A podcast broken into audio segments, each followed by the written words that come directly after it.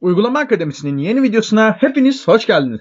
Arkadaşlar bu videoda sizlerle beraber masa üstünde veya bir klasör içerisindeki öğeleri nasıl ba- belli başlı öz niteliklerine göre sıralayabileceğimizi göreceğiz. Evet bunu genellikle şunun için kullanabiliriz. Örneğin eee, aynı isimde farklı farklı dosyalarımız var. Diyelim aynı isime benzer dosyalarımız var. Ve eee, bunların değiştirme tarihine göre sıralanıp en e, son değiştirilen dosyayı bulup onu açmak istiyoruz. Örneğin flash diskimiz çok kalabalık olabilir. Bunun için ne yapabiliriz? Bunu göstereceğim size. www.uygulamaakademisi.com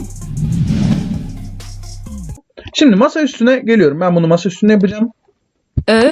Masaüstü liste. Ops. Hiçbir şey seçili olmamasına dikkat edeceğim. Kontrol boşlukta hiçbir şeyin seçili olmadığı duruma geliyorum. Aralık.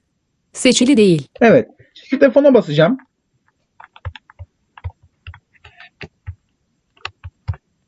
Bağlam menü.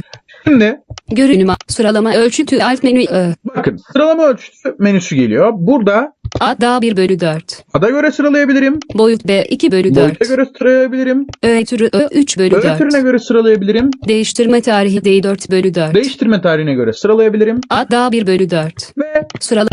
bu şekilde dosyaların öz niteliklerine göre sıralama işlemini yapabilirim.